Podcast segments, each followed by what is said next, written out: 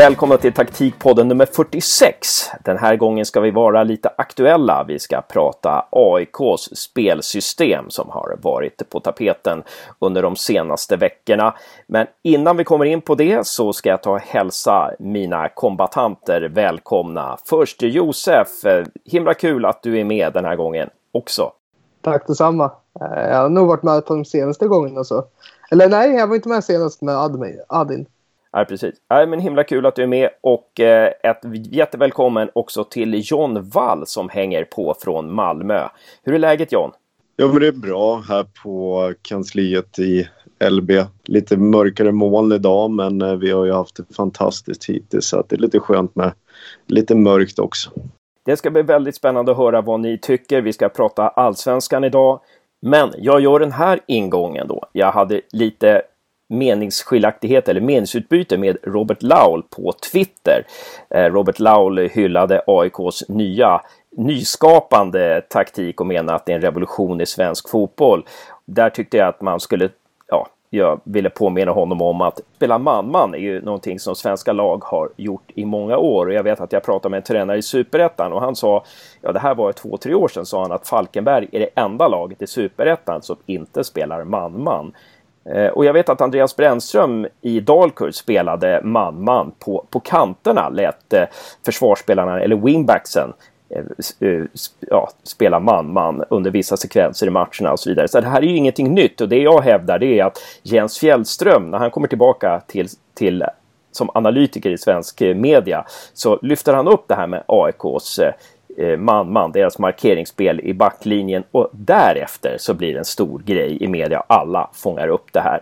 Eh, så att egentligen så tycker jag att det här med, med att man belyser att det här med man-man är någonting nytt. Det är egentligen en brist inom, i, i, i svensk, eh, eh, ja, i svensk fotbollsmedia. Eh, och, och, det är inte så nytt egentligen. Men det är vad jag tycker och jag är inte någon fotbollsexpert. Eh, så att nu tänkte jag slänga fram frågan till, till John och Josef här och kanske framförallt John då som är utbildad tränare, eh, jobbar med eh, Game Insight Soccer tillsammans med, tillsammans med Lars Lagerbäck och Hasse Backe med flera och håller på med taktiska frågor 24 timmar om dygnet. Eh, vad säger du John om det här med AIKs eh, markeringsspel? Nej, till att börja med så får jag väl säga att det finns ett visst mod men eh, om man gör saker i superettan så lyfts inte det på samma sak som att saker görs i allsvenskan. Jag får väl ge medhåll att det här är inget nytt men jag tycker att frågeställning blir någonstans fel då man pratar om positionsförsvar eller markeringsförsvar. Eh, jag tycker det handlar mer om att förhålla sig till att hur man gör när motståndaren har bollen, alltså hur man stör deras speluppbyggnad kontra hur man gör när man försöker förhindra en målchans. Och att det här upplevs nytt och liknande, det, det är ju någonstans för att man ser inte gråskalen eller skalorna av spelet och tittar på skeenden i spelet egentligen om man ska följa Svenska fotbollsförbundets terminologi där. Så jag tycker det handlar mer om att är bollen hos motståndarens backlinje hur tvingar du då dem till dåliga beslut? Och sen att man då i sista ledet plockar upp eller markerar spelare för förmodligen är det färre spelare som är ovanför bollen än vad det är nära bollen eh, hos motståndaren. Och att där AIK egentligen då, ja man pressar och egentligen så är det ju likt tyskan, eh, det är egentligen Ralf Ragnik har förädlat lite mer med hela Red Bull-organisationen är att man jobbar med något som heter Ramdeckung Alltså att man tvingar och pressar samtidigt som man fångar upp spelare i vissa zoner. Och för man ska följa en gammal terminologi så är det också en viss form av zonmarkering. Då. Och då är det ju att man gör spelet förutsägbart hos motståndaren egentligen. Och det blir väldigt förutsägbart för en själv också. För det finns ju vissa strukturer hos motståndaren som du egentligen då vill förhindra och ta bort för att tvinga dem till dåliga beslut och ge ifrån sig bollen i slutändan. Hur har AIK då förändrat sitt försvarsspel i år kontra förra året? Eh, för att följa Rickard Nordlings ord så är det mer vad man pratar om. Man låg i shape eh, som eh, deras då modeord, men att man låg mer i ett i block och hade forwards i en lägre utgångsposition. Medan man nu mer möter motståndaren betydligt tidigare istället för att konsekvenserna är ju att när man väl vann bollen för AIK så var det oftast nere i sin egen backlinje. Och det var sällan man vann bollen högre upp. Och följer man eh, den bevisliga saken av hur många sekunder det tar efter du vann bollen och hur många mål som görs då så tappar man ju en, en potentiell del av spelet. Så att egentligen är det en självkritisk analys av sitt eget spel och samtidigt våga förändra och förädla. Och samtidigt så har det ju skett också en eh, evolution i spelarmaterialet också i AIK. Det är intressant det där med spelarmaterialet. Det ska vi komma in på vad till exempel startelvan mot Malmö FF, vad, vad den har eh, om man jämför med vad AIK eh, hade för verktyg förra året. Men jag tolkar det som att du menar att Rickard Norling, det han gör är inte bara att han inför ett markeringsspel utan det är en del av en större helhet som bland annat innebär att man stör motståndarna högre upp. Eh, plus att man använder ett sorts eh, zonförsvar också. Det är korrekt, det är positionsförsvar men samtidigt så måste man ju titta på de enskilda delarna men samtidigt förstå en helhet. Vad är det som dikterar vad? Bollen är ju alltid den centrala delen i spelet. Och efter det så blir det konsekvenser av det. Håller du motsatt att utgå från dig själv och inte bollen som referens så blir det ju en felaktig konsekvens. Och egentligen så tycker jag det är en ganska logisk följd av allting det som AIK genomför egentligen. Ja, det uppstår vissa markeringsinslag. Att eh, Per Karlsson plockar upp Isak Kiese i vissa skeenden att vissa spelare lämnar över spelare till varann för att fortsätta pressen och för att fortsätta tvinga motståndaren till att ta dåliga beslut, att spela bollen bakåt exempelvis. Så att jag tycker det fortfarande är att man, man ser på spelet väldigt fel och den här filosofiska andefattigheten i svensk fotboll är ju liksom frapperande. Men den dikteras ju oftast av media för att man inte förstår spelet. Så Lau skulle helt enkelt behöva lära sig se nyanserna mer än att bara hänga upp sig på att AIKs revolution består av ett markeringsspel. Det är inte, det, markeringsspel är, eh, markeringsspelet är bara en del av eh, det här nya sättet att spela uh, som AIK gör. Alltså det finns zon, uh, som positionsinslag och det finns uh, och det hör ihop med att störa motståndarnas speluppbyggnad. Liksom. Det, det, är också en eh, speciell situation för personer som jobbar inom det här för att de måste ju också eh, ta fram nyheter och producera det med löpande inslag. Så det är därför det blir större än vad det är och i synnerhet när det sker i Stockholm, Göteborg eller Malmö och i synnerhet om det kommer någonting som händer från Stockholm. I och med att media är ju oftast baserad utifrån ett Stockholmsperspektiv. Så att när Andreas Brännström eh, jobbar med man-man i, i Dalkurd eller Jönköping, då blir det inte en så stor nyhet. Men när AIK gör det, då lyfts det fram helt plötsligt. Definitivt. Och det är det som egentligen pågår.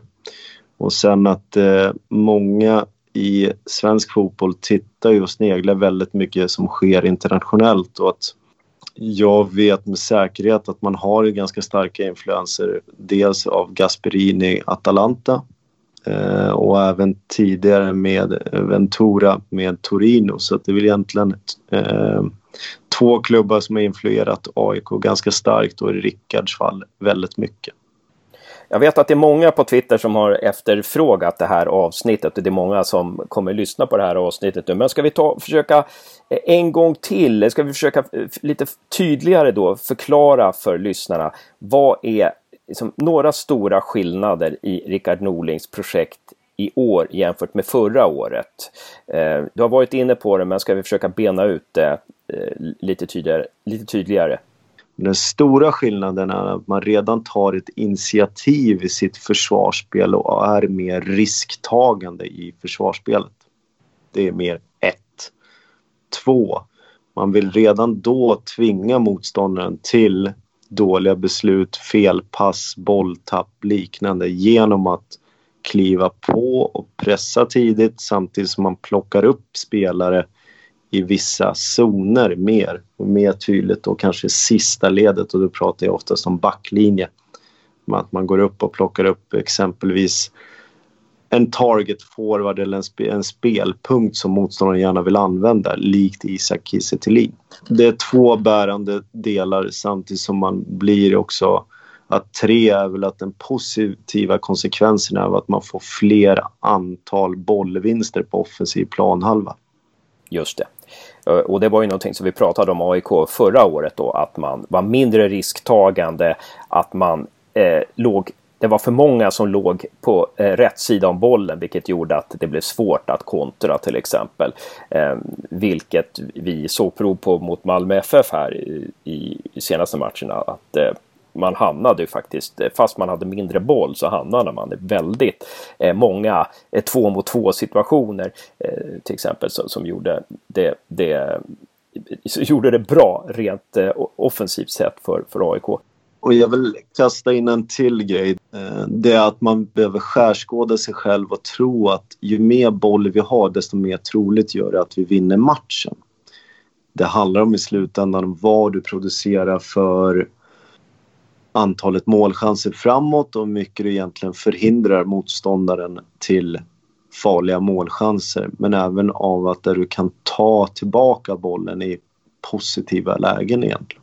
Har man som Guardiola väldigt bra spelare så går det förstås att utnyttja till slut ett bollövertag och eh, eh Medan har man inte så bra spelare så kanske ett bollövertag eller ett, ett övertag i procentuellt sett i bollinnehav kanske bara blir ett procentuellt eh, övertag i just bollinnehav och inte betyder att man egentligen skapar fler målchanser.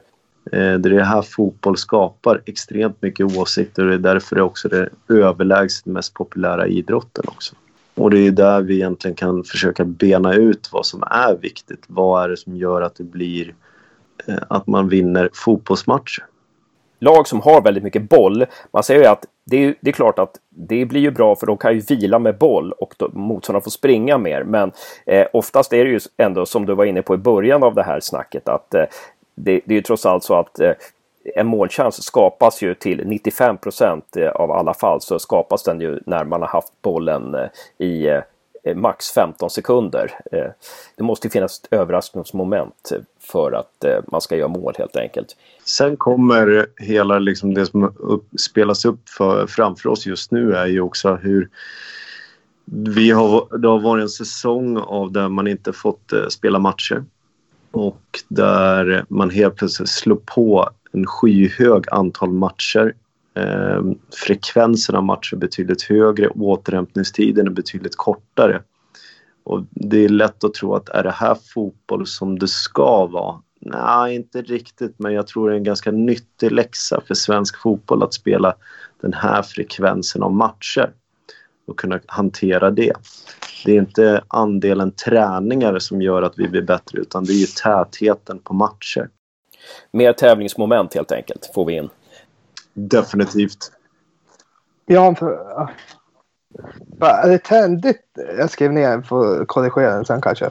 Är det tändigt att känslan att ha boll innebär att man gör en bra match? Det är jäkligt trendigt och det är väl den fina svarta t-shirten som alla vill bära just nu. Eh, samtidigt som egentligen det som sker på ett globalt perspektiv är att fotbollen börjar bli mer och mer polariserad. Jag tror jag beskriver det här tidigare i den här podden, jag vet inte. Men jag tar det igen. Det är väl egentligen att med Juego de Posición och dess anhängare kontra då med Barcelona som främsta exempel och andra, även Real Betis med Quique Sentien som är nu i Barcelona kontra då Red Bull koncernen som är med och pratar om eh, bollvinster och omställningsögonblicket som den mer centrala delen i sin ideologi och filosofi. Men även Liverpool som egentligen då har förenat det, de här elementen på ett betydligt bättre sätt. Så att jag tror att den där svarta t-shirten vill alla bära och sen tycker man att man är grym och bra men jag tror man behöver se till potentialen på varje spelare men egentligen så är det att det är lättare att kvantifiera vissa saker i fotboll som att kunna pressa, att kunna flytta över, att kunna försöka vinna bollen mer än att försöka kvantifiera bollinnehavet. Mm. Det är jätteintressant här. Jag ska bara säga så här att det här AIKs eh, nya sätt att markera, det såg man ju redan mot Jönköping i Svenska Kuppen när det nu var i slutet av februari har jag för mig. Eh, och ingen har sagt, ingen sa, tog upp det då. Det är ju ganska fascinerande. Men nu helt plötsligt, några månader senare, eh, när, en, när Jens Fjällström tar upp det, då ska alla ta upp det liksom. Eh, herregud, det fanns att se redan tidigare. Varför såg ni det inte då?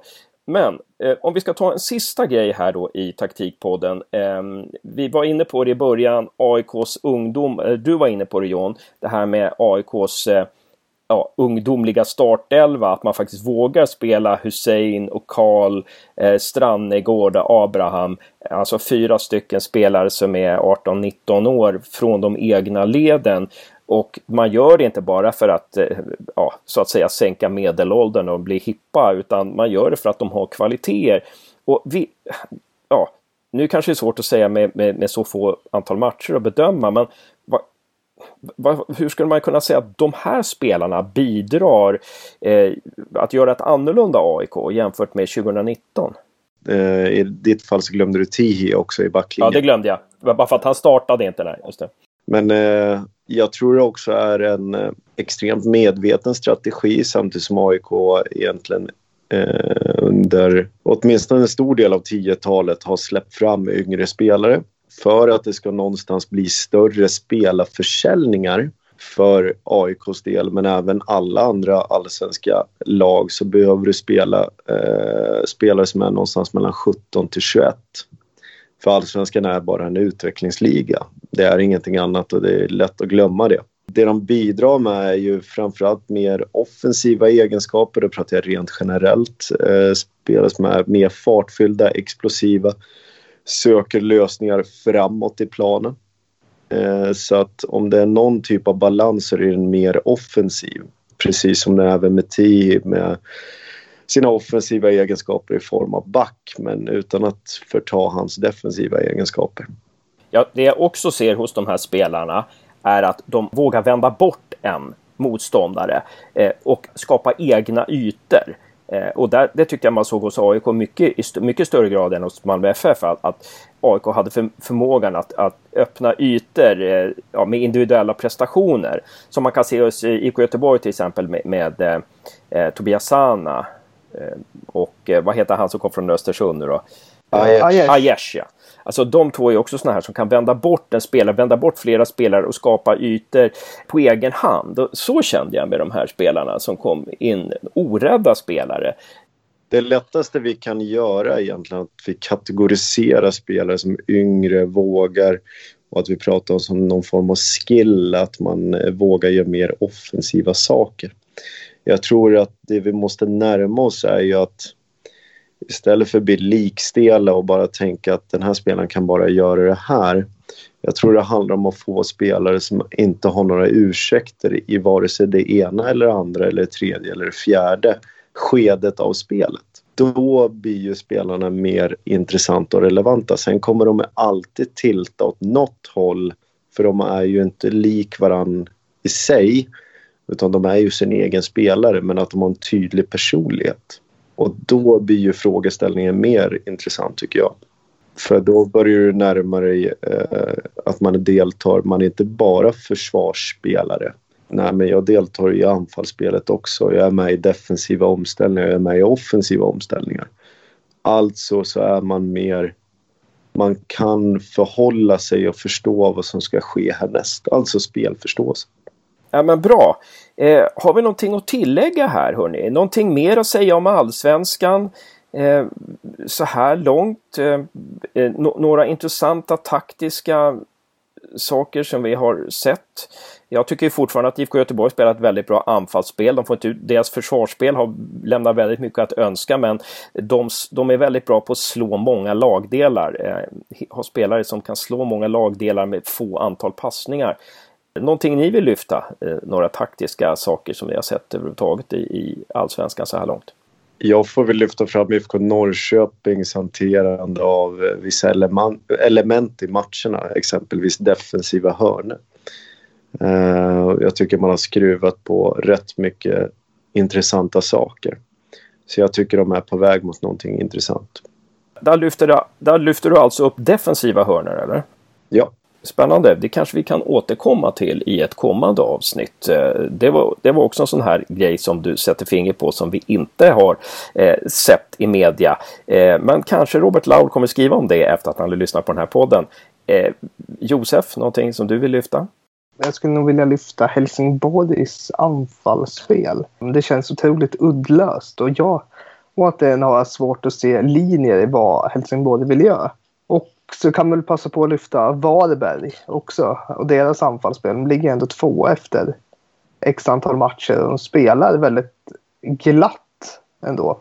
Vad det Varberg gör som chockar övriga fotbollsallsvenskan det är också en fråga som vi skulle kunna sätta finger på i kommande poddar. Eh, hörni, John och Josef, bra jobbat idag.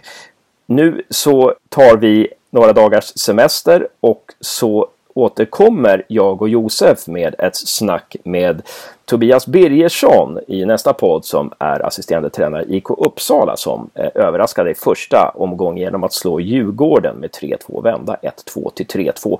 Och man är väldigt farlig på fasta situationer. Det är ju normalt så att man bara gör mål på var trettionde hörna men, men IK Uppsala gör mål på ungefär var femte hörna. Det det ska bli intressant att höra hur de kan åstadkomma det. Tack ska ni ha, Jan och Josef. Tack snälla. På återhörande. Tack själva.